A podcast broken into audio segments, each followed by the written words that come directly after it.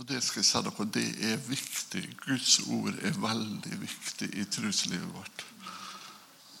Det, det er Guds ord som forteller oss alt om hvem Jesus er, og hvem vi er, og relasjonen vi har til Han, og fellesskapet vi har til Han. Hvis vi ikke har Guds ord, så kan vi vite veldig lite om det. Vi er så heldige i Norge og i vår del av verden at vi faktisk har Guds ord trygt på papir. Tenk på Abraham. Han hadde òg en relasjon med Gud. Men han hadde ikke noe trygt bibel. Han måtte lytte til Guds stemme og høre hva Gud talte til ham. Så vi er Og det skal vi gjøre òg. Det er veldig viktig, det. Det står i Johannes evangeliet at Den hellige ånd skal lære oss alt og forklare oss alt. og fortelle oss både om det som skal komme, og det vi kan forvente oss. Men eh, å, å lese ordet, det er veldig viktig. Det står i Hebreerbrevet 11.1 at tro er full tillit til det som en håper på, og overbevisning om det vi ikke ser. Og Da er spørsmålet jeg har lyst til å stille hvordan kan han ha full tillit til noe som helst i vår tid med så mye sprikende informasjon, både i media, på Internett, og på filmer, og, og på telefon og på alle mulige plasser? Er, går det an å ha tillit til noe som helst? Romerbrevet 10-17 eh, eh, kommer egentlig med svaret. Der står det at så kommer da troen av det en hører, og det en hører, kommer ved Guds ord. Hvis vi hører løgn, så skaper det vantro i hjertet vårt. Og det er dessverre veldig mye løgn i samfunnet vårt i dag. Veldig mye løgn. For 40-50 år, år siden så trodde jeg at alt som var sagt på NRK, var sant. Det er det faktisk ikke. Og det blir mindre og mindre sant. skulle jeg.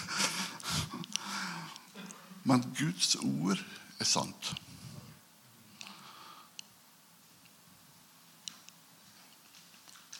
Så troen Trua vår kommer av å høre Guds ord, av å høre sannheten.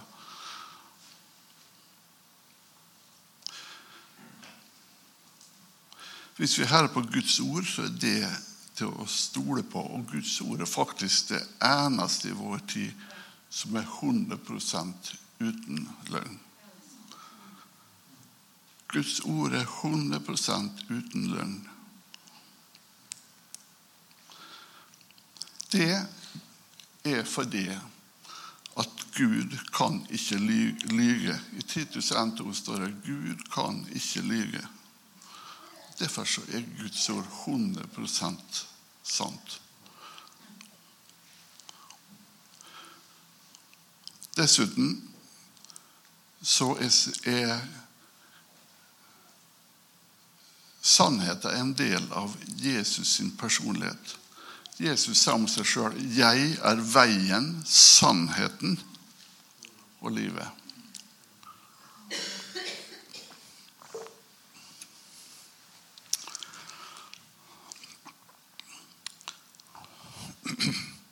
Det står at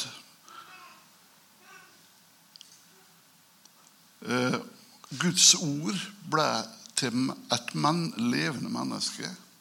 I Johannes evangeliet så står det ordet ble kjøtt og tok bolig blant oss.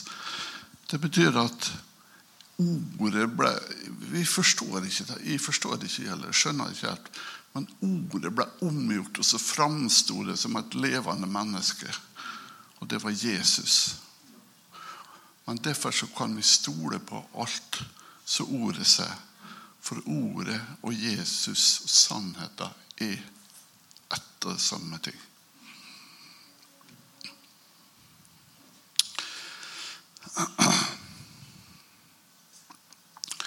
Og som ikke det er nok, så står det en ting i Romerbrevet 3,4. La det stå fast at Gud taler sant, men hvert menneske er en løgner. Altså, det betyr jo ikke at mennesker sier bare løgn. Men hvis det ikke er 100 sant, så er det egentlig litt løgn. Det er ikke helt å stole på hvis det ikke er 100 sant. Så det er bare det Gud sier, som er, er 100 å stole på.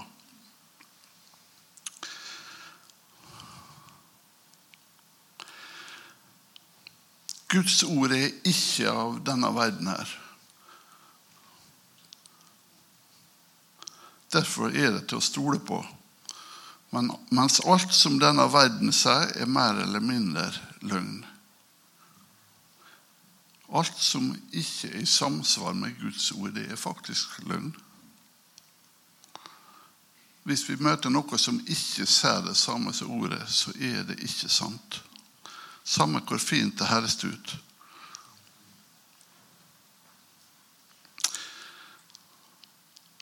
Syns dere at jeg tar munnen for full nå? Nei, det er ordet som sier det her. Hva sier Jesus? Dere er av deres far djevelen, og dere vil følge deres fars lyster. Han var en morder fra begynnelsen av og står ikke i sannheten. For det er ingen sannhet i ham. Når han taler løgn, taler han ut fra sitt eget, for han er en løgner og løgnens far. Johannes 8, 44 står det. Han er løgnens far. Men det står noe mer om djevelen. I andre kor 4.4 så, så, så kaller Paulus djevelen for denne verdens gud. Da begynner vi å skjønne at dette er alvor. Når løgnens far er denne verdens gud, kan vi da forvente oss mye sannhet fra denne verden?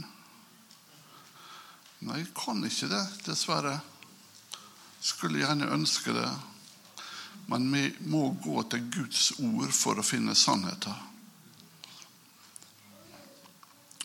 Og når vi finner sannheten, så vil sannheten sette oss fri. Johannes 8, 32 sier at dere skal kjenne sannheten, og sannheten skal gjøre dere fri.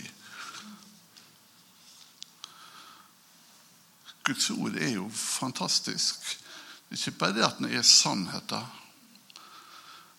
men den har så mange andre egenskaper. Den, den, eh, Guds, hele verden ble skapt med Guds ord. Alt ble til ved ham, står det. Og ham, det er Jesus.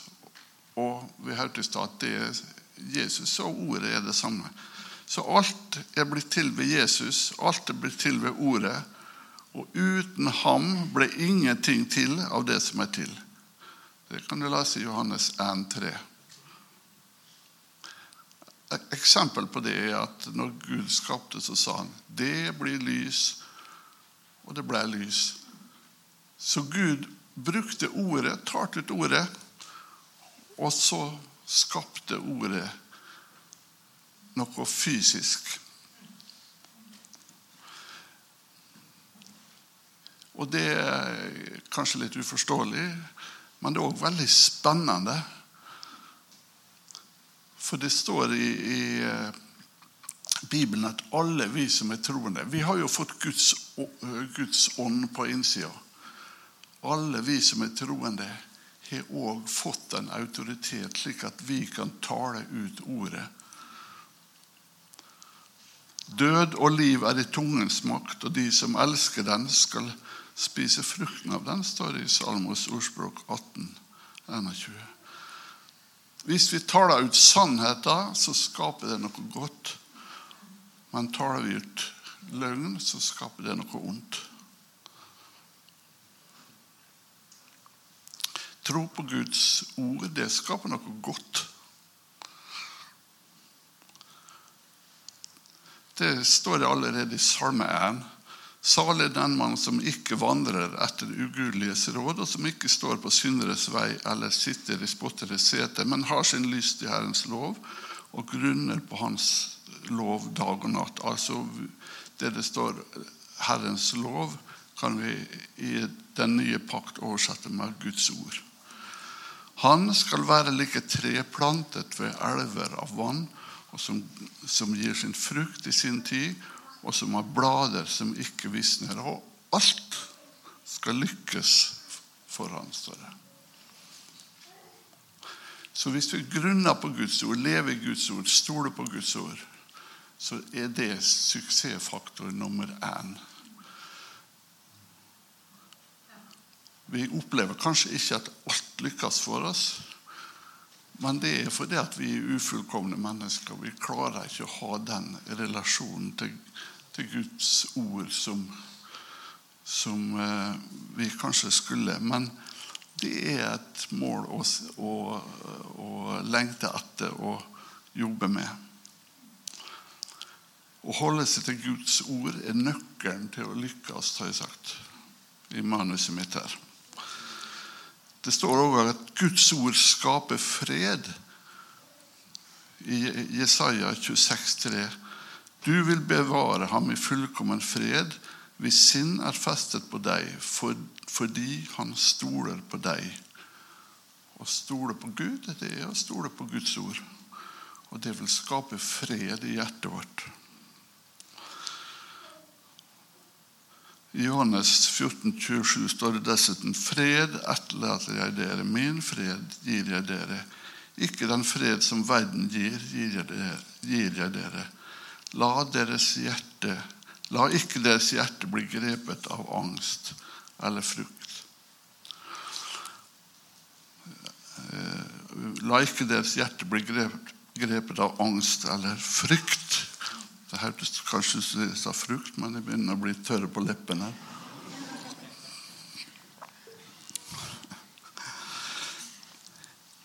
Er det noe når verden her er god til å produsere, så er det angst og frykt. Men Gud skaper fred.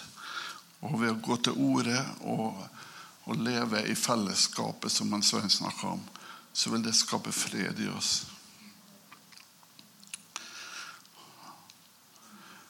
Guds ord skaper dessuten disipler.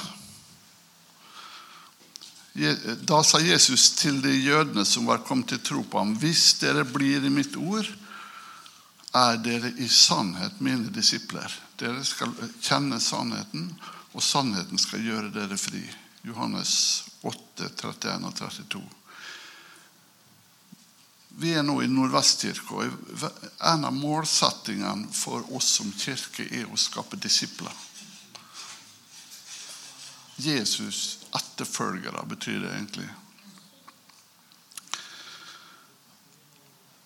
Men ta verset her lærer oss at veien dit til å skape disipler er å legge vekt på å forkynne Guds ord studere Guds ord, stole på Guds ord og leve etter Guds ord.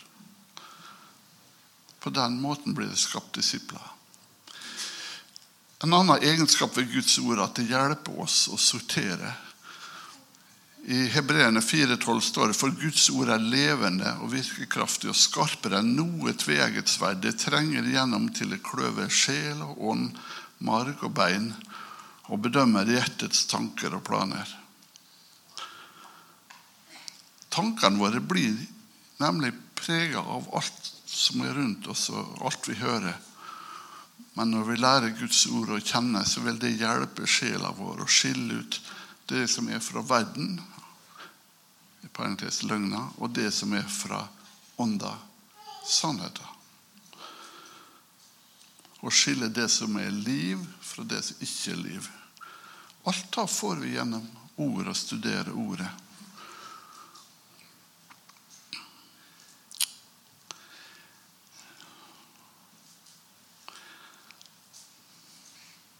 Skal vi se. Så vi trenger å bedømme tankene våre for å tro rett. Vi må kjenne Guds ord. Vi må kjenne Guds ord godt og forstå det på rett måte for at det skal bli en god rettesnor for oss. I 2. Korinterbrev 10, vers 3-5, står noe interessant. For selv om vi ferdes som mennesker, fører vi ikke kamp på verslig vis. Vår stridsvåpen er ikke kjødelige, men i Gud er de mektige til å rive ned festningsverk. Med dem kan vi rive ned tankebygninger og alt stort og stolt som reiser seg mot kunnskapen om Gud. Ta enhver tanke til fange under lydigheten mot Kristus. Vi må ikke la verden forstyrre tankene våre. Romerne 12,2 er veldig opptatt av å begrunne alt disse med, med Guds ord. For det er en garanti for at det er sant. i seg. I Romerne 12,2 så står det 'Bli ikke dannet lik denne verden'. Kan, er det noen oppfordring som er mer tydelig enn det? Bli ikke dannet med denne verden, men bli forvandlet ved fornyelsen av deres sinn, så dere kan prøve hva som er Guds gode, velbehagelige og fullkomne vilje. Guds ord er et såkorn står det. Og denne eh, lignelse, Jesus forteller denne lignelse om det i, i Markusevangeliet, kapittel 4. Jeg skal lese, jeg har ikke tid å gå dypt inn på det, men jeg skal lese noe av det, slik at dere får et innsikt i eh, at ordet er et såkorn som skaper noe i livet vårt. Jesus sa i Markusevangeliet, 'Hør, sen'. En såmann gikk ut for å så. Det hendte han sådde, at noe av såkornet falt ved veien, og himmelens fugler kom og spiste det opp. Noe falt på steingrunn hvor det ikke var mye jord. Det spirte snart siden det ikke hadde dyp jord. Men da solen steg, ble det avsvidd, og fordi det ikke hadde rot, visnet det bort. Noe annet falt blant torner, og tornene vokste opp og kvalte det og det ga ingen avling. Men noe falt i god jord, det spirte, vokste og ga frukt.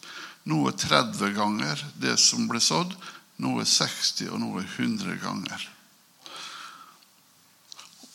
Så skal jeg lese litt videre. For det kommenterer egentlig Jesus Han forklarer egentlig litt den lignelsen. Han sa at forstår dere ikke denne lignelsen, hvordan skal dere forstå alle de andre, andre lignelsene? Såmann sår ordet, og disse, er, og disse er de ved veien hvor ordet blir sådd. Når dere hører, kommer Satan straks og tar, ordet, tar bort ordet som blir sådd i deres hjerter. Et av problemene er at Djevelen, han er, Når vi er i Guds ord, så er djevelen aktiv. Og han er ute etter å stjele. Så han, eh, med en gang ordet blir sådd, så er han ute etter å stjele det. Så det er en ting vi må være oppmerksom på når vi leser Guds ord, at ikke la djevelen stjele det fra oss. På samme måte er det med dem som blir sådd på steingrunn. Når de hører ordet, tar de straks imot med glede men de har ingen rot i seg. Derfor holder de bare ut en tid. Når det senere kommer trengsel og forfølgelse for ordets skyld, tar de straks anstøt. Bibelen har lovt oss trengsel og forfølgelse for ordets skyld. Det er derfor at det er vanskelig for oss kristne å, å fortelle sannheten til verden rundt oss. Fordi at det kan medføre forfølgelse. Og uh, derfor så Derfor er det mange, uh, når de hører ordet, så tar de imot det først, men så, så tar de anstøt når de møter forfølgelse. Så står det andre er de som blir solgt blant torner. De er slike som hører ordet, men denne verdens men denne verdens bekymring, rikdommens bedrag og lysten etter alt annet kommer inn og kveler ordet, og det blir ingen frukt. Her ser vi hvor verden og, og ordet liksom kjemper mot hverandre. Og, og, og verden vil gjerne ta ordet fra oss. Ta sannheten fra oss. Men de som blir sådd i god jord, er de som hører ordet, tar imot det og bærer frukt. Hvis vi tar imot ordet, så vil det begynne å vokse og spire i hjertet vårt. Og så vil det skape noe godt i oss, og vi vil begynne å bære frukt. Noen 30, noen 60, noen 100 ganger det som blir sådd, står det. Så skal jeg gå litt raskt videre her.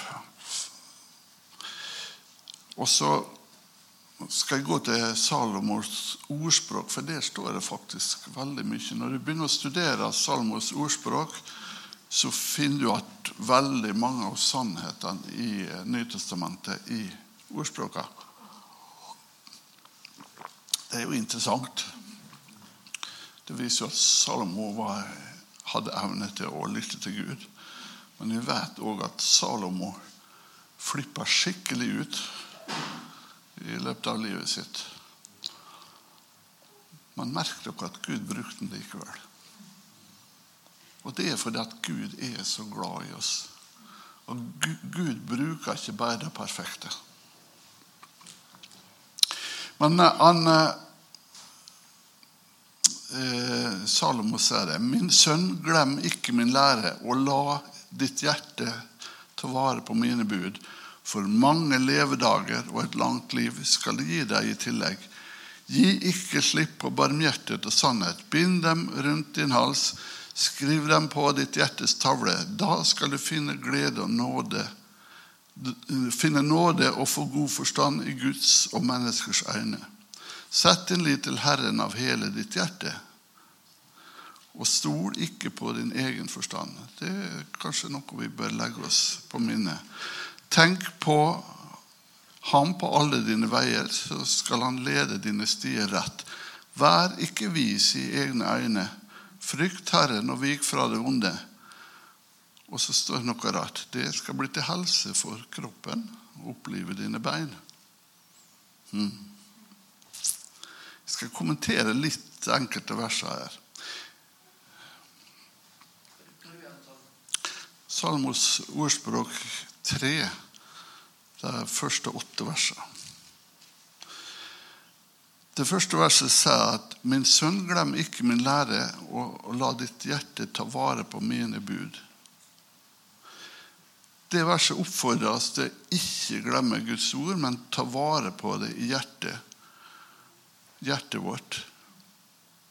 Det vil si at vi må kjenne ordet og la det styre valgene våre. Og så står det for mange levedager og et langt liv og fred skal det gi deg i tillegg. Mange levedager. Det får vi ikke høre verken på skolen eller i sykepleierstudiet eller legeutdannelsen. Men her er det Gud sjøl som, som er skaper av universet, skaper av mennesker, skaper av alt som finnes. Og han sier at den beste garantien for et langt og fredfullt liv er å kjenne Guds ord og leve etter det. Så står det gi ikke glipp på barmhjertighet og sannhet. Bind dem rundt din hals og skriv dem på ditt hjertes tavle. Her er det Guds barmhjertighet og sannhet det er snakk om. Guds barmhjertighet er Guds barmhjertighet er at pga. det Jesus gjorde for oss på korset, så slipper vi å ta straffen for en eneste av våre synder. Ikke eneste. Jesus har tatt straffa vår for alt vi har gjort. Vi er rettferdige framfor Gud. Sannheten er at vi, i vår ånd så er vi helt lik Jesus allerede her på jorda. Og Hvis dere tror at de lyver nå, så kan dere slå opp i 1. Johannes 4, 17. Der står det svart på hvitt. Det, dette her Salomo sier vi må holde fast på og aldri gi slipp på, samme hva som skjer. Vi skal derimot binde det om vår hals, slik ei dronning pryder som med eh, smykkene sine, eller en idrettsmann henger seierskransen rundt halsen sin. Vi skal også skrive det på våre hjertes tavle, står det. Vi skriver det på hjertetavla ved å tale det ut med munnen vår. Det var det jeg nevnte litt tidligere her, at død og liv er i tungens makt.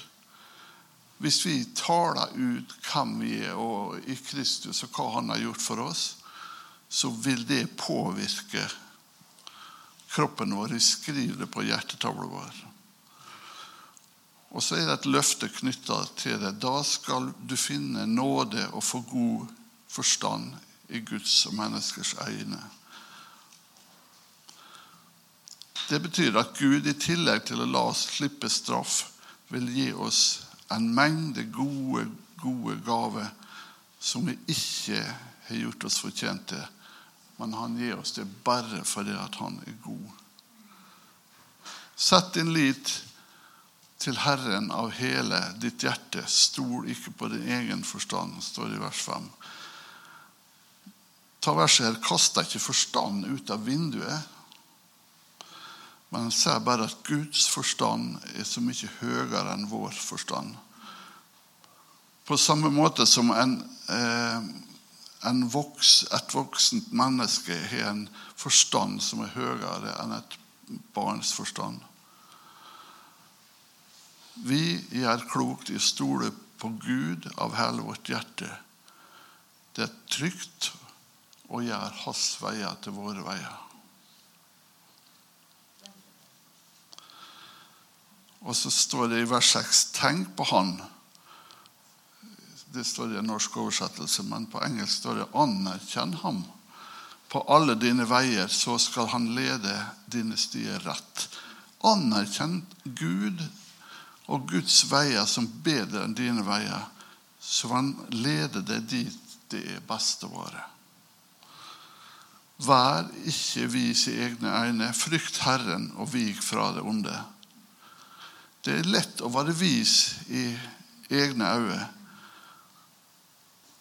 De fleste foreldre erfarer at barna er nettopp det.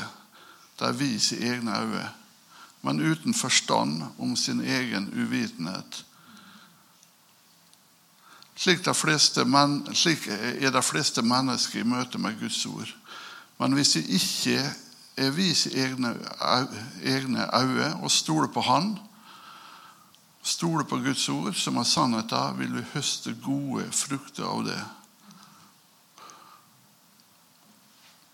Og en av de fruktene vi skal høste, det skal bli til helse for kroppen og opplive dine bein, står det. Det syns jeg er stilig.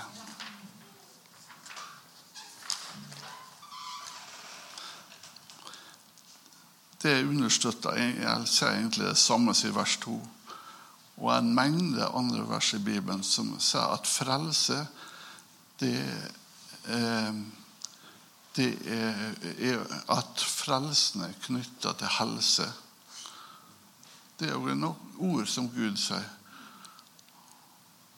Og Da bør vi ta det seriøst, bør vi ikke det? Han som har skapt oss, han som har skapt hele universet. Han sa at eh, eh, det er ikke bare frelse, det er ikke bare frelse, men òg helse som kommer fra Gud. Jeg kunne ha sagt mye mer, men jeg ser at noen glipper med øynene. Så nå vil jeg slappe Mari til, og da kommer dere helst ikke til å sovne. For hun har noe veldig godt på hjertet i dag.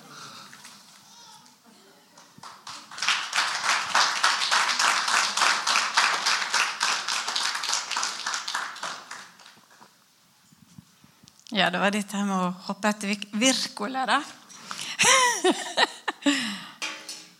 Jeg må helt ærlig si at, eh, at Tarald han er jo Jeg er jo hans største fan. Det vet vel alle.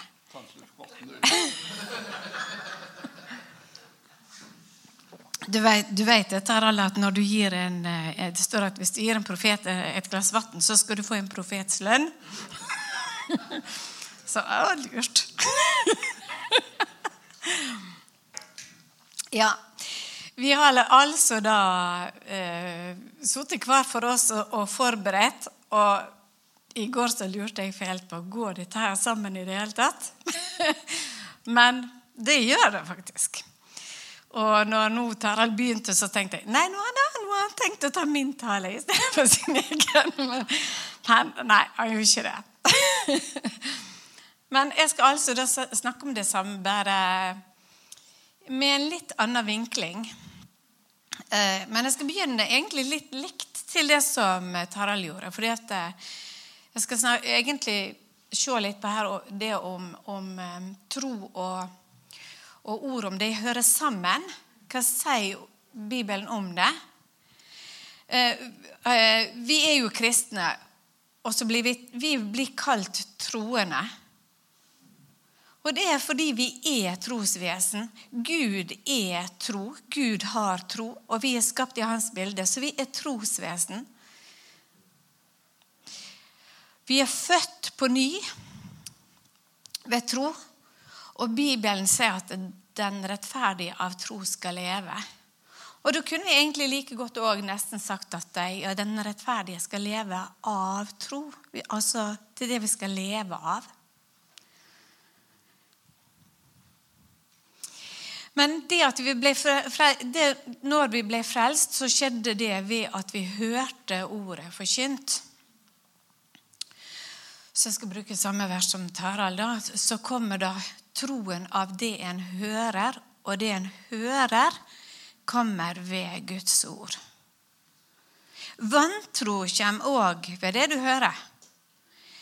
Så hvis du vil ha vantro, da skal du bare høre mye på hva verden sier, for da får du i bøtta og spann av vantro, faktisk.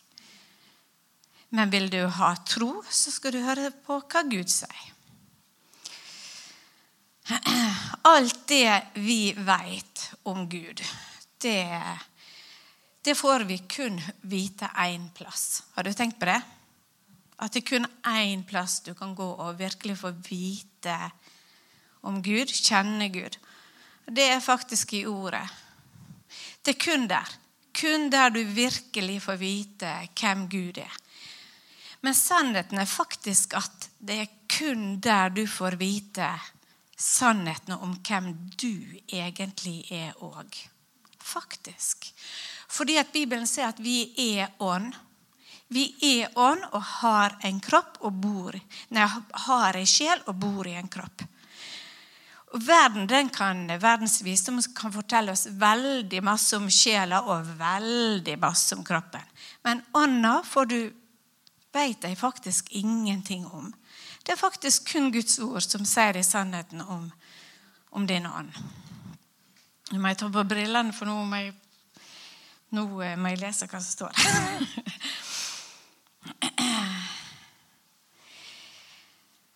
Vi er skapt til å ha en nær og intim relasjon med Gud.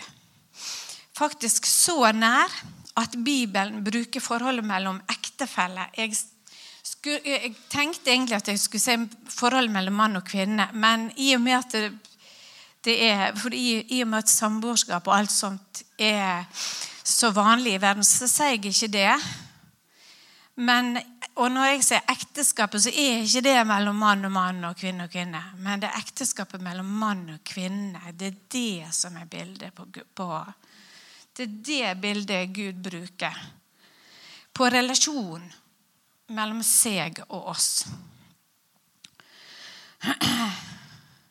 Og det er fordi at det er den, kun den relasjonen, altså mellom mann og kvinne i et ekteskap, som fullt ut Det er kun den mellommenneskelige relasjonen som, som best avspeiler det, det, den relasjonen som Gud ville ha med oss.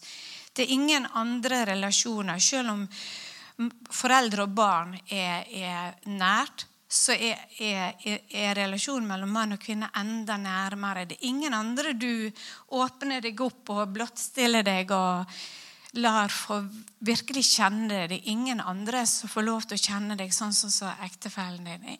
Det er ingen som kjenner meg sånn som Tarald kjenner meg. Bortsett fra Gud. Bortsett fra Gud.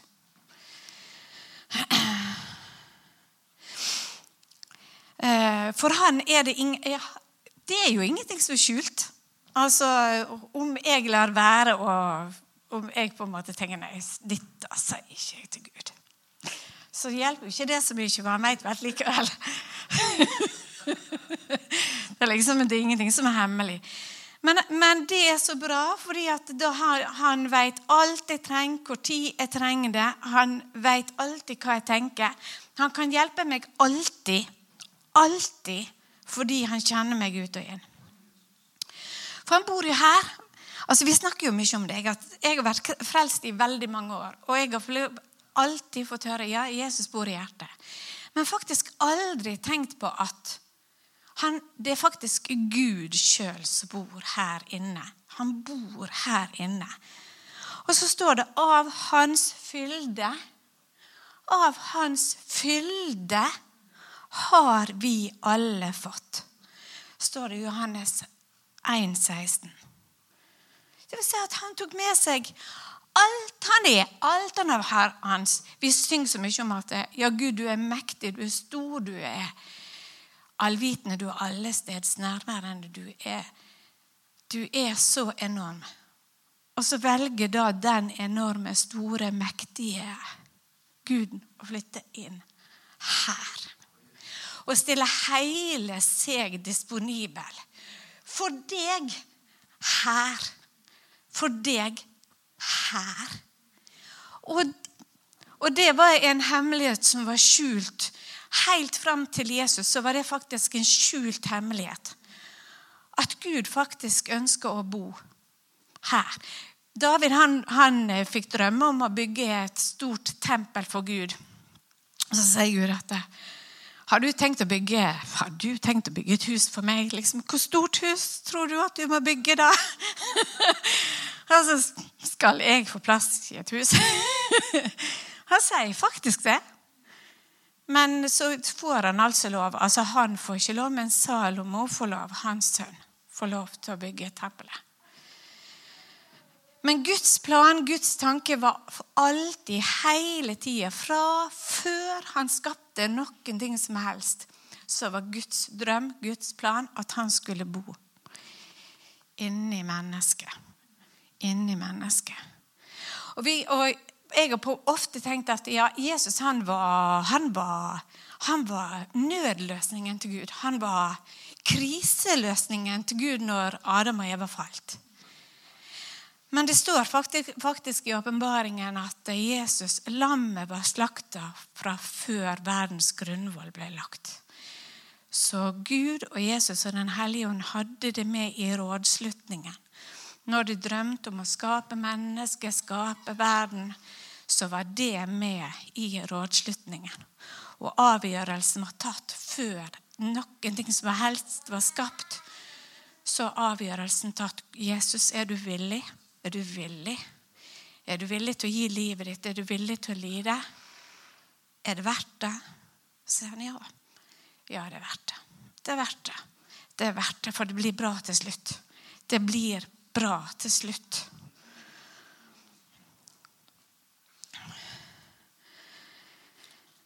Halleluja. Men nå har jeg forlatt notatene mine. Men altså Til tross for at da Gud bor her, så har vi ofte en tendens til å tenke at at ja, nei, Gud han lar nå bare oss komme nært. altså Når, når jeg er god og snill og flink og hellig, da kommer Gud. Da får jeg lov til å komme nær. Da åpner han himmelen sin for meg, og da er alt bare bra. Men hvis jeg ikke gjør det, hvis, uh, hvis jeg ikke gjør det, og hvis jeg ja, hvis jeg ikke holder mål, nei, da får jeg ikke det. Så vi, vi, tror vi, vi, tror at bare jeg, når jeg leser nok, Bibelen nok, når jeg lovpriser Gud nok, når jeg, når jeg er lydig nok Da kan Gud velsigne meg, og da vil han ha fellesskap med meg. Men hvis ikke, så trekker han seg unna. Han trekker unna velsignelsen sin. Men hvorfor tror vi det? Hvorfor tror vi det? Det er fordi at religion har fortalt oss det. Men det er faktisk løgn. Tarald var inne på det. Alt som ikke stemmer med Guds ord, er faktisk løgn. Så ehm, Nei, og da vil jeg gå til 1. Korinter 3, 1.30. Og der står det at Men det er av ham at dere er i Kristus. Han er for oss. Nei, han som blei for oss eh, visdom fra Gud, rettferdighet, helliggjørelse og forløsning.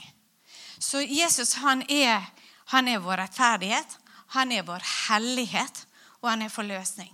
Eh, vi blander ofte disse begrepene litt, for vi tenker at helliggjørelse det er det er min jobb. Det er når jeg, når jeg, er god og lydig og gjør jeg skal, da er jeg hellig. Så tror vi at det er vi som skal produsere vår egen hellighet. Men ikke det heller er faktisk ikke sant. For hellighet består av tre, tre stadier. Det første er når Gud flytta inn og vi ble rettferdiggjort, så fikk vi Jesus sin hellighet òg. Så vi er helliggjort på innsida.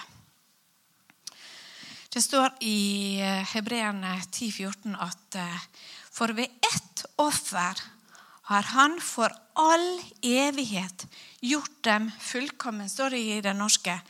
Men i King James så bruker de perfekt. Og det, det forteller meg mye mer enn fullkommen.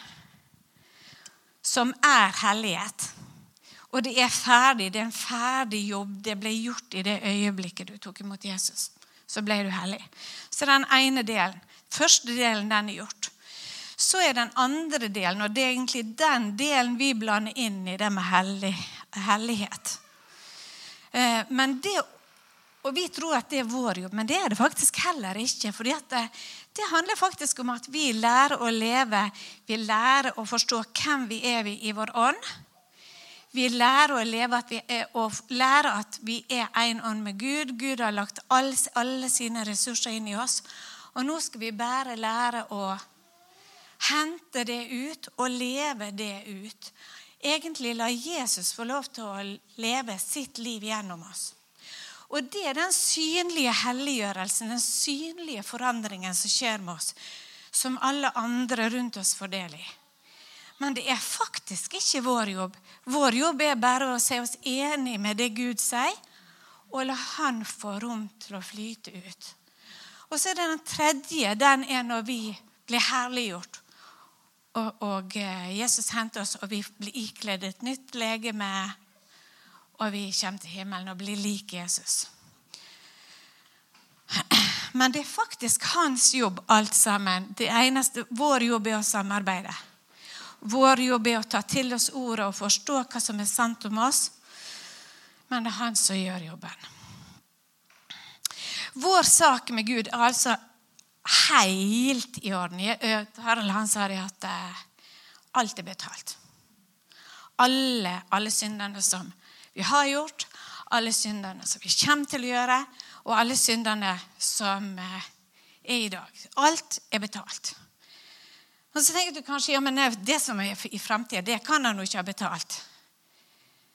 Men vi lever faktisk 2000 år etter at Jesus døde og sto opp igjen. Så hvis ikke Jesus kan betale for framtidige synder, så er vi faktisk ganske ille ute. faktisk ganske ille ute. Ja, så godt er det at han har betalt alt. For sak er faktisk helt i orden med Gud.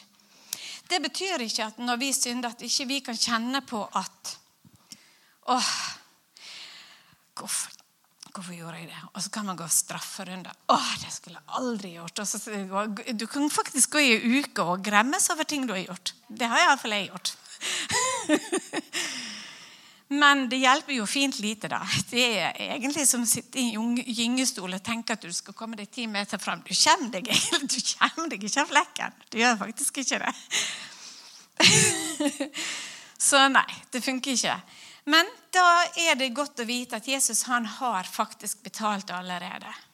Og, vår, og det vi gjør da, er faktisk å springe fort. Og si Jesus, ja, jeg vet det. Jeg vet det. Det var ikke bra. Men takk at du allerede har tilgitt meg. Takk at du har tilgitt meg, og takk for at jeg får lov til å gå videre i fellesskapet med deg. Stole på deg og vite at du er med meg 100% alltid. Jesus ga oss sin rettferdighet, sin rettferdighet, sin hellighet og sin verdighet. Fordi vår egen faktisk ikke holdt mål. Men det gjør den faktisk ikke i dag heller. Vi har så lett for å tenke at ja, men Vi har så lett, se, lett, for å se på vår egen prestasjon. Men vår egen hellighet, den, det, det, det heller ikke mål enda. Det er ikke nå heller. Det, våre gjerninger kunne ikke forandre vår stilling innenfor Gud før vi ble frelst. Faktisk, vi, Mange tror det at bare det, denne kardemommeloven Men ellers kan bare du er snill og grei, så ellers kan du gjøre som du vil. Det er et eller annet sånt. Men, men det er faktisk ikke sånn. Våre gjerninger altså, Vår ånd var død, og så tror det, det, tok lang tid før jeg skjønte at gjerningene ikke forandra noe innenfor Gud.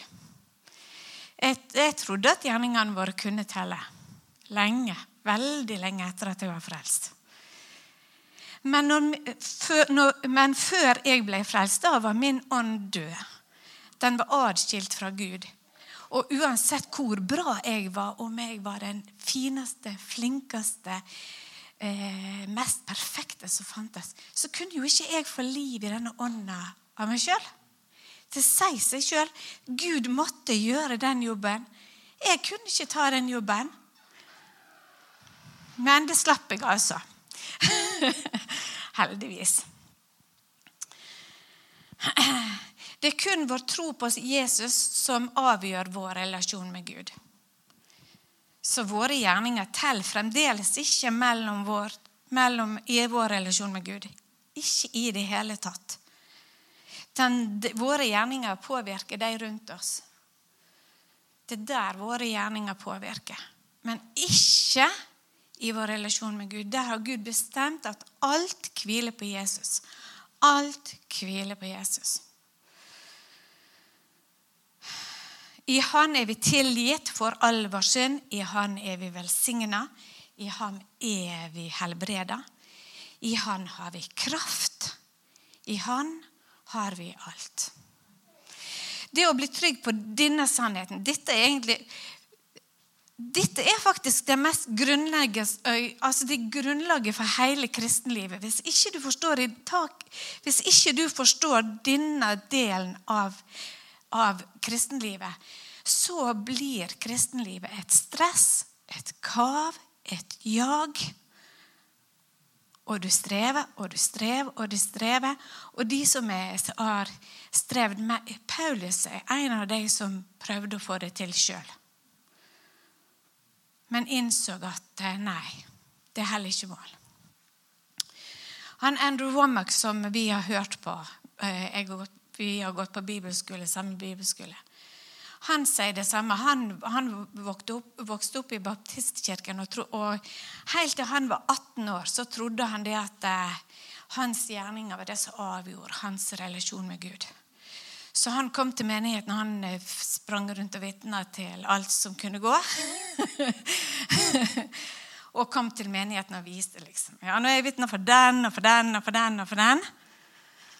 Og så på et, eh, en eh, lørdagskveld når de har sånn bønnemøte, så, så viser Gud han at all din egen rettferdighet er, er som sånne skitne, filthy rags, står det i Guds ord. Men egentlig så er det det det egentlig snakker om, er sånn mensbind. altså så skittent og så Alt det du har gjort i egen kraft, er like skittent som det for meg. Det er Jesus du kvalifiserer. Det er kun i min nåde du kvalifiserer. Kun der. Så de som har prøvd og prøvd og prøvd og prøvd og prøvd og prøvd og prøvd og jobba, jobba, jobba, jobba, de kommer til samme konklusjon. at selv, Han fortalte at en gang så hadde han sittet og lest Bibelen hele dagen i 16 timer. Og så når han var ferdig, så tenkte jeg yes, det var veldig bra. Og så kommer, så kommer djevelen og sier du, du, var, du var våken i 18. Du var våken i 18 timer. Hva gjorde du med de to siste? da? Og der raste hele, hele kortstokken hans. Fordi at loven evner ikke å rose deg for det du får til. Loven er ikke gitt for å rose deg for det du får til, men loven er gitt for å fordømme deg for det du Den er egentlig ute etter å peke på din svakhet. Fordi at loven handler om det du gjør, det du får til. Og du kommer alltid til kort, så uansett om du har klart å få til 99,9% så kommer loven og sier ja, men hva med den siste, da? Sier loven. For det står i Jakob 2,10 at for den som holder hele loven, men snubler på ett punkt, er blitt skyldig i alt. Så perfekt krever loven at du skal være. Og uansett hvor god jeg er, du er, så klarer vi det ikke. Så Derfor er Jesus vår kvalifikasjon. Jesus er vår kvalifikasjon. Takk og lov og pris. Vi er elska og akseptert fullt ut allerede på grunn av Jesus og Jesus alene. I Efeserne 1,56 så står det Ved Jesus Kristus har Han forutbestemt oss til barnekår hos seg etter sin viljes gode velbehag, til pris for sin nådes herlighet. Ved den tok han oss til nåde i den elskede. Og så har jeg lyst til å, også, jeg har lyst til å dele litt hva det ordet der er blitt for meg. Da. Fordi at i King James Vi har jo gått på, på Carries i England. Og da er det, jo, det er jo King James som på en måte er Bibelen de bruker veldig mye. Så det ordet der, det er blitt sånn Det er blitt sånn her Hva skal jeg si Det beste av det beste. Men det står i King James To the praise of the glory of his grace, wherein he has made us accepted in the beloved. Så jeg prøvde å oversette det til norsk. Hvor i Han har akseptert og anerkjent oss i den elskede. Så vi er gjort akseptert. Skal jeg ta en annen plass. For det, det ordet 'accepted' det er tatt fra det greske ordet 'cherry to'. Som er det samme ordet som engelen Gabriel brukte da han eh, kom og hilste på Maria i eh, Lukas 1,28 og sa eh, På norsk så står det 'du som har funnet favør hos Gud', eller noe sånt. det det står der. Men det er det samme, men på engelsk så står det det er, jo, det er jo interessant hva som står egentlig i grunnteksten. Hva skrev, hva skrev de egentlig i grunnteksten? Og der står det 'You that are highly favored'. står det. Så det ordet er faktisk det akkurat det samme. Accepted. Det er faktisk you that are highly favored. Du som er høyt favorisert. Så du er høyt favorisert av Gud. Halleluja. På samme måte som Maria så er du like akseptert, like Høyt favorisert hos Gud. Det sier at Gud har jo ikke Han, han har ikke han har ikke yndlingsbarn, men, men, det, men han har bare, faktisk bare yndlingsbarn. Han er bare favoritter. ja. Eh, Gud vil at vi skal lære hans kjærlighet å kjenne. Jeg skal se, hoppe litt tilbake. Den viktigste hensikt for jeg tar alle og snakker litt om dette her med hva er hensikten med ordet. Hva er det Gud vil? Hva ønsker Gud med ordet sitt? Hvorfor har han skrevet ordet sitt? Hvorfor har han gjort det tilgjengelig for oss? Men det viktigste hensikten med Guds ord er faktisk at vi skal få lov til å lære hvor uendelig høyt vi er elska. Hvor ubetinga, ubetinga vi er elska. Og at alt bygger på Jesus og Jesus alene.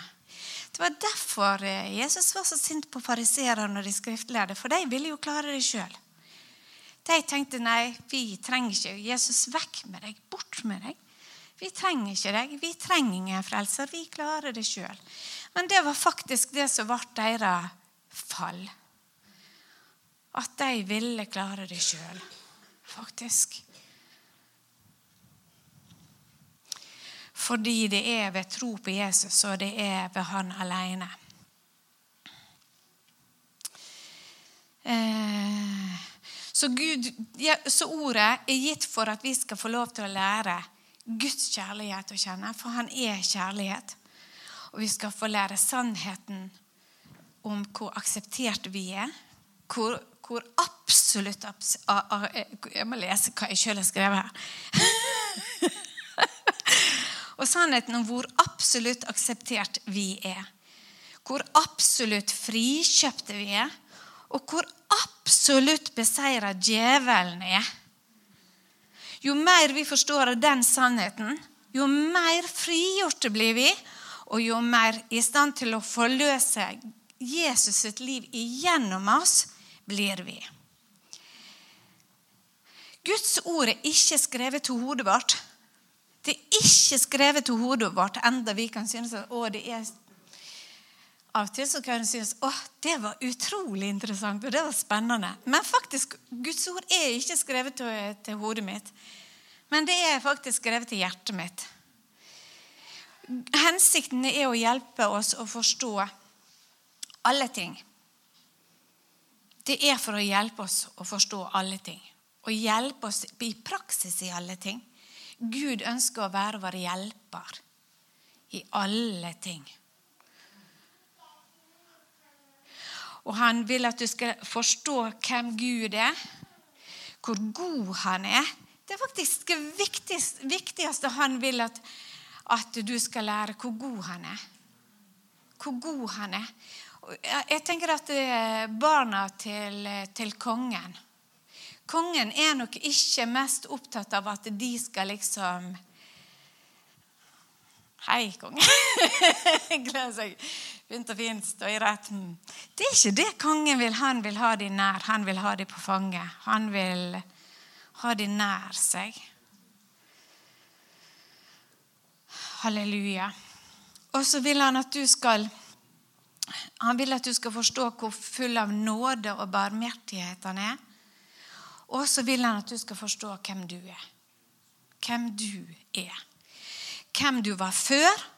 Hvem du var før du var frelst. Altså, han vil faktisk at du skal forstå hvor absolutt fortapt du var før du ble frelst.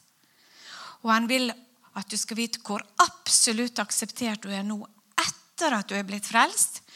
Hvor høyt elska du er. Hvilken posisjon du har fått i Jesus. For det er ikke bare Jesus som er satt i himmelen ved Guds høyre hånd. Det står at vi er hans kropp, og vi er satt i himmelen. I Kristus Jesus ved Guds høyre hånd, står det. Så vi er òg satt der. Og det står òg at eh, fienden skal legge som en skammel for Jesus sine føtter. Hvem er Jesus sine føtter? Hvem er Jesus sine føtter? Er det noen som har noe eh, Forslag? Hm? Ja, det er vi, vi som er, Guds, vi som er Kristi legeme. Til og, med den som, til og med den som ikke kan springe ut med evangeliet. Den som, til og med den som er, har levd livet sitt ferdig og tar imot. Kanskje tar imot Kanskje tar imot på sin aller siste dag. Han, han, den òg er Kristi legeme. Og djevelen skal legges under det mennesket og sine føtter. Halleluja. Og så vil han at vi skal skjønne hvilken autoritet vi har fått. Fordi at djevelen han går og lyver og, og sier det at eh, Hvem er du? Hvem er du? Så når Tarald sier eh, 'legg hendene på det syke', så kan han hviske inn i øret. 'Tarald, hvem er du?' liksom. Så kan han si at 'jeg er, jeg er Guds elskede sønn' som han har velbehag i. Og Guds ord sier at når jeg legger hendene på det syke, så skal de bli friske. Det er det Guds ord sier om meg. Jeg er Guds rettferdighet i Kristus Jesus. Det er det som er sannheten om meg. Det er det jeg er. Når du vet at alt er i orden mellom deg og Gud, og at alt hviler på Jesus, det Jesus gjorde, og alene. Vi, vi pleier å si at Jesus pluss noe, altså hva som helst vi kan produsere, det blir faktisk ingenting. Det er null, null, null. Men Jesus pluss ingenting, det er faktisk alt. Det er ganske sterkt. Det er fantastisk. Halleluja.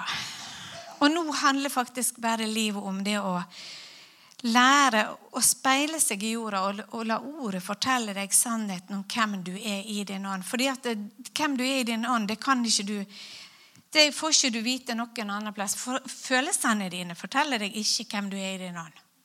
Faktisk ikke. Tankene dine forteller deg heller ikke hvem du er i din ånd. Du må til ordet og få vite sannheten om hvem du er i din ånd. Faktisk. Og når du da lærer det, da blir alt så mye lettere. Da blir, alt, da blir faktisk eh, eh, kristenlivet veldig mye lettere. Når du vet at det er Kristus i deg som virker i deg både til å ville og til å virke til Hans gode behag, da er det faktisk mye lettere nå skal, nå skal, jeg hoppe litt. Nå skal jeg hoppe litt. Nå skal jeg gå til Matteus 11, 28. Jeg skal lese det som Jesus sa. Han sa at eh, Jesus sa, 'Kom til meg, alle dere som strever og bærer tunge byrder.' 'Jeg vil gi dere hvile.' Ta mitt åk på dere og lær av meg. For jeg er mild og ydmyk av hjerte, og dere skal finne hvile for deres sjeler. For mitt åk er gagnlig, står det i den norske, men i King James står det enkelt. Jeg, liker King James fordi den snakker et språk som jeg forstår. det er så godt at det er enkelt, og min byrde er lett. Hva sier Jesus egentlig? Først så begynner med å si 'Jeg vil gi dere hvile'. Sier han først. Så sier han 'Ta mitt åk på dere og lær av meg'. Et åk er jo Tarald har sikkert brukt et bilde med den, de to oksene. At et åk er tre stykker som blir lagt over to okser så er det jo litt sånn at eh, når, altså når, er, når, vi er i tospann med Jesus, så er det jo han som er mesteren, og det er vi som skal lære av han.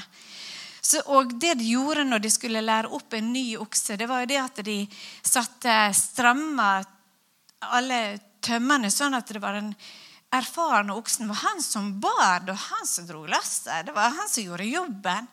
Og den unge, den skulle faktisk Jobben til den unge var faktisk å lære å gå i takt med og sammen med og i samme retning som den store oksen. Det var jobben til den unge. Det er faktisk det Jesus sier. Ta mitt åk på deg, dere, og lær av meg. Lær av meg. Jeg er mild og ydmyk av hjerte, sier han. Jesus var ydmyk. Og Guds, når Guds ord snakker om ydmykhet, så er sann ydmykhet er å gi Gud rett. Gi Guds ord rett. Det er sann det er, det er sann ydmykhet. Å ikke vurdere seg annerledes, Å ikke vurdere seg sjøl annerledes enn det Guds ord sier, det er faktisk ydmykhet. Så hvis jeg sier at jeg er svak, og ordet sier at jeg er sterk, så er det jo ikke vanskelig å finne ut hvem som snakker sant. egentlig. Egentlig. Og når ordet sier at jeg er full av kjærlighet, glede og fred i min ånd, sånn som det står i Galaterne 5,22, ja, så er jeg faktisk det. Det er fordi at jeg er min ånd, og i min ånd så er jeg full av kjærlighet, glede og fred. Det bor inni her. Og, og, og, følelsene mine kan si noe helt annet, men da er clouet faktisk å lære å hente ut. Hente ut fra min ånd. Hente ut ressursene som Gud har lagt ned i meg. Sånn at jeg lever ut ifra hans ressurser og ikke mine egne. Jesus gjorde bare det han så. Dette er faktisk en hemmelighet som Gud viste meg i Bergen. Eh, I sommer, tror jeg det var. At Jesus han gjorde bare det han, det han så sin far gjøre, og det han hørte sin far si. Eh, Jesus han sa 'alt mitt er ditt'. Det var et av de ordene som Jesus brukte når han, når han viste dette her til meg. At alt mitt er ditt. Alt mitt er, til, er her til din disposisjon. Alt er til din disposisjon. Men Jesus han var ydmyk, så han, han, han, gikk, han, han prøvde ikke å finne sine egne løsninger. Han prøvde ikke å gå sin egen vei. Han prøvde ikke å bruke sin egen visdom, sin egen forstand. Men han lytta inn det som Gud sa, og gjorde hele tida. Hele tida holdt han seg tett inntil Gud. Tett inntil Gud. Og så gikk han ikke før Gud sa 'nå var vi'. Og så gjorde han ingenting annet enn det Gud sa. Så når Jesus gikk til Sakkeus og faktisk sa navnet hans Det var ingen som fortalte Sakkeus, nei, fortalte Jesus at Sakkeus heter Sakkeus. Det var det faktisk Den hellige ånd som gjorde med Jesus. Så Gud kjente Sakkeus før Jesus møtte han. Halleluja. I dag må jeg ta inn i ditt hus, sa han. I dag må jeg ta inn i ditt hus. Det vil si at han visste at Gud leder han til at i dag skal jeg ta inn i ditt hus. Og Det var faktisk det som var Jesus sin suksessfaktor nummer én. At han alltid lytta inn Gud. Han holdt seg inn til Gud. lytta til Han stolte på Gud. At Gud visste Gud visste alltid best. Så han lytta nøye, nøye, nøye hele tida. En annen suksessfaktor var at han visste at han var elska. Han visste at han var elska av Gud. Og han visste at Gud hadde behag i han før. Gud sa jo det til Jesus når han ble dødt. Dette er min sønn, den elskede. Du er min sønn, den elskede, som jeg har behag i. Da hadde ikke Jesus helbreda ei flis, han. han hadde ikke gjort noen ting ennå. Ingenting. Ingenting hadde han gjort. Men da sa Gud at du er min sønn, den elskede, som jeg har velbehag i. Så han visste at at Gud elsker han fordi Gud er kjærlighet. Og han visste at han hadde hans velbehag fordi han var hans sønn. Ikke på grunn av hva han gjorde, men fordi han var hans sønn. Og her finner vår sjel hvile. Når vi veit hvem vi er, når, altså når du vet hvem du er, hvor høyt akseptert du er, hvor høyt anerkjent du er Det står faktisk at Gud elsker å anerkjenne oss like høyt som han anerkjenner Jesus. Altså På samme måte som Gud vurderer å anerkjenne Jesus, på samme måte anerkjenne og akseptere Gud deg. Det er den aksepten du har fått hos Gud. Det er ganske sterkt. Og her finner din sjel hvile. Her finner du òg troens hvile. Fordi det er ikke din jobb du skal gjøre. Og det er ikke du som skal gjøre jobben. Faktisk ikke. Det er hans åk du tar på deg, og hans åk er enkelt. Og hans byrde er lett. For det er ikke du som gjør jobben, det er hans kraft i deg og gjennom deg som gjør jobben. Du skal bare lytte han inn, du. Gjøre, gå der han, sier du, der han sier du skal gå, og gjøre det han sier du skal gjøre. Så gjør han jobben. Vi har fått egentlig Når vi lærer å leve der, da blir faktisk kristenlivet enkelt.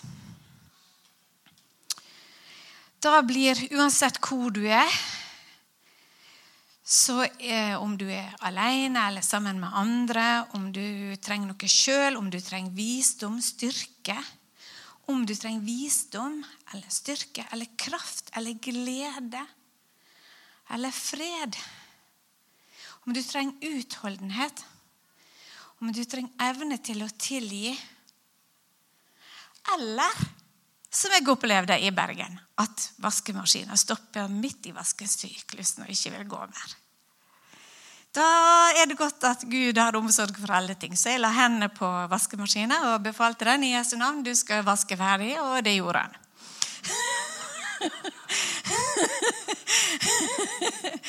Gud er praktisk. Han er ikke Han er praktisk.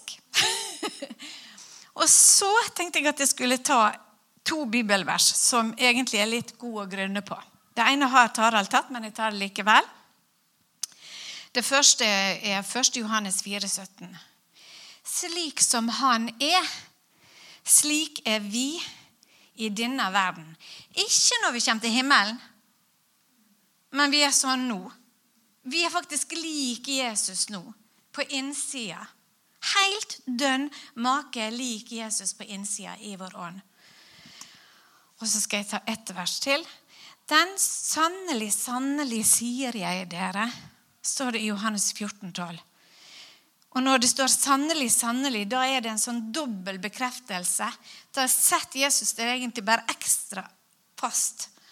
At han mener det han sier. Den som tror på meg, skal gjøre de samme gjerningene som jeg gjør. Og nå, Helt med vilje så leser jeg ikke ferdig verset. Fordi vi har en tendens til å henge oss fast i at disse her større tingene, hva er de? Så glemmer vi at det er faktisk en del foran der det står at vi skal gjøre det samme med, som Jesus. Når vekte Jeg har ikke vekt opp noen døde enda. Men det har Jesus sagt at det kan jeg. Det har Jesus sagt at det kan jeg. Så det er noen vers å grunne på.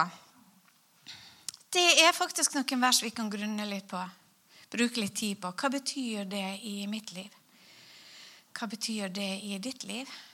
At du er lik Jesus, og at du skal gjøre de tingene som han gjorde. Hva betyr det? Og du kvalifiserer jo. Det har vi jo satt, slått fast. at Du, du kan, trenger ikke vente til eh, du tenker at du har, nei, nå har jeg bedt i en time og jeg har fasta i en uke, og da er jeg klar. Nei. I det noen så kvalifiserer du allerede. Men det er litt lurt også å lese litt i ordet, fordi at, eh, fordi at troa kommer av, av forkynnelsen. Så for å bygge troa di og frimodigheten din, så er det litt lurt å bruke litt tid i ordet. Sånn at du, blir, sånn at du bekrefter i deg sjøl, så du veit at du, det er sånn. Du veit at det er sånn. Det er sannheten om deg. Hele Guds fylde har tatt bolig på innsida av oss. Nå, går det litt, nå begynner jeg å gå inn forlanding. Gud har stilt alt han er og alt han har, tilgjengelig for oss. Alt mitt er ditt. Det er faktisk sannheten. Alt mitt er ditt. Men likevel så er det kjærlighetsrelasjonen med oss Gud legger mest vekt på. Og det er ganske Altså, jeg har, har hørt en del på, på Mari Felde. Jeg vet ikke om dere har hørt om henne. Men hun fortalte det at hun var, hun var misjonær ute på i, Hun var misjonær i Filippinene. Og så var det en dag at Gud sa til henne at Mari, vet du det at eh, hvis du reiser hjem nå og bare ligger på sofaen resten av livet ditt, så elsker jeg deg like høyt for det. Så sier hun nei, det kan ikke være sant. Det kan ikke Jo, hvis du reiser hjem og blir liggende på sofaen resten av livet ditt, så forandrer ikke det min kjærlighet til deg. Så sier hun det at ja, det hadde hun jo aldri funnet på å gjøre. Fordi at det er jo, Og livet med Jesus er jo spennende, så hun hadde jo ikke valgt det. Men, men utrolig godt å vite da, at om så var, så var hun like høyt elska. Så det er ikke forskjell. Gud har ikke Det er ikke sånn A-time og B-time og C-time eller første klasse, andre klasse, tredje klasse med Gud. Vi stiller faktisk helt likt. Jesus han ga samme lønn han, til den som kom den ellevte timen, altså siste timen. Han fikk akkurat den samme lønna som han som kom tidlig på dagen. Samme lønna. Samme lønna. Vi er akkurat like verdifulle. Og, faktisk, det, og det er ikke det vi gjør som er avgjørende, men det er hva Jesus gjorde for oss. Det var han som gjorde oss verdig. Ja, Så skal jeg lese fra Matteus 11,27. Det er faktisk verset før 11,28, det som jeg nettopp las om at jeg tar mitt åk på dere. Da sa Jesus at eh, det er kun Faderen som fullt ut kjenner Sønnen. Det står ikke akkurat sånn, men det er det det betyr. At det er kun Faderen som fullt ut kjenner Sønnen. Og det er kun Sønnen som fullt ut kjenner Faderen. Og, og den Sønnen åpenbarer han for. Så, Gud, så Jesus han vil åpenbare Faderen for deg, så du skal få lov til å bli kjent med han sånn som han egentlig er. For jeg trodde lenge at, Jesus, at Gud var han dommeren som satt sånn. Men Gud er ikke sånn. Gud er den kjærlige faren som bare tar oss i favn. Så jeg har en utfordring til deg helt på slutten. La Jesus få lov til å åpenbare for deg. For deg. I dag. For deg. Ikke tenk at nei, det der kan Liv Ellinor ta imot, eller det kan Tarald ta imot, eller det kan Jan Tore ta imot, eller Eller Ester, eller Nei, alle. La Gud få åpenbare for deg eh, Erland. Erland. La Gud få åpenbare for deg hvem han er. For deg. I din hverdag, der du er. Hvor tilgjengelig han er for deg i din hverdag. Der du er. Gud er en praktiker. Han skapte jo deg. Han er praktisk. Han er praktisk for deg. Det er han. Så det har jeg lyst til å oppfordre hver enkelt til at La han få lov til å vise hvor full av kjærlighet han er. Hvor tilgivende han er. Hvor rede han er til å bistå deg med alt han er og alt han har. Ene og alene på grunn av det Jesus har gjort. Vi tenker at ja, hvis det er noe som går galt, så liksom Hvis, hvis eh, bilen ryker, liksom hva, hva, gjorde jeg nå galt? Var det noe galt jeg gjorde som gjorde at den røyk? Men det er faktisk ikke sånn. Vi har en fiende vi som liker å stjele og myrde og ødelegge. Vår posisjon i Jesus er faktisk at vi er akseptert. Og vi er velsigna. Og om så bilen ryker, så kan Gud òg få det i orden. Trenger du penger til reparasjon, så kan faktisk han gi deg det. Halleluja. Fullstendig ubetinga. Det bygger ikke på oss. Bygger ikke på oss, det bygger på Han. Og la han få lov til å åpenbare sannheten om hvem du er. Hvem du egentlig er i din ånd. Hvem du Og sannheten er at du er din ånd, og i din ånd er du én ånd med Gud og du er lik Jesus. Det er sannheten om deg. Du er full av Guds fylde på innsida. Det er sannheten om deg. Du er rettferdig, du er hellig, du er verdig.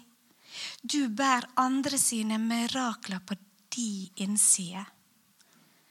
Har du kanskje ikke tenkt på, men du går rundt og bærer på andre sine mirakel på innsida av deg. Halleluja. Han som ikke sparte sin egen sønn, men ga han for oss alle.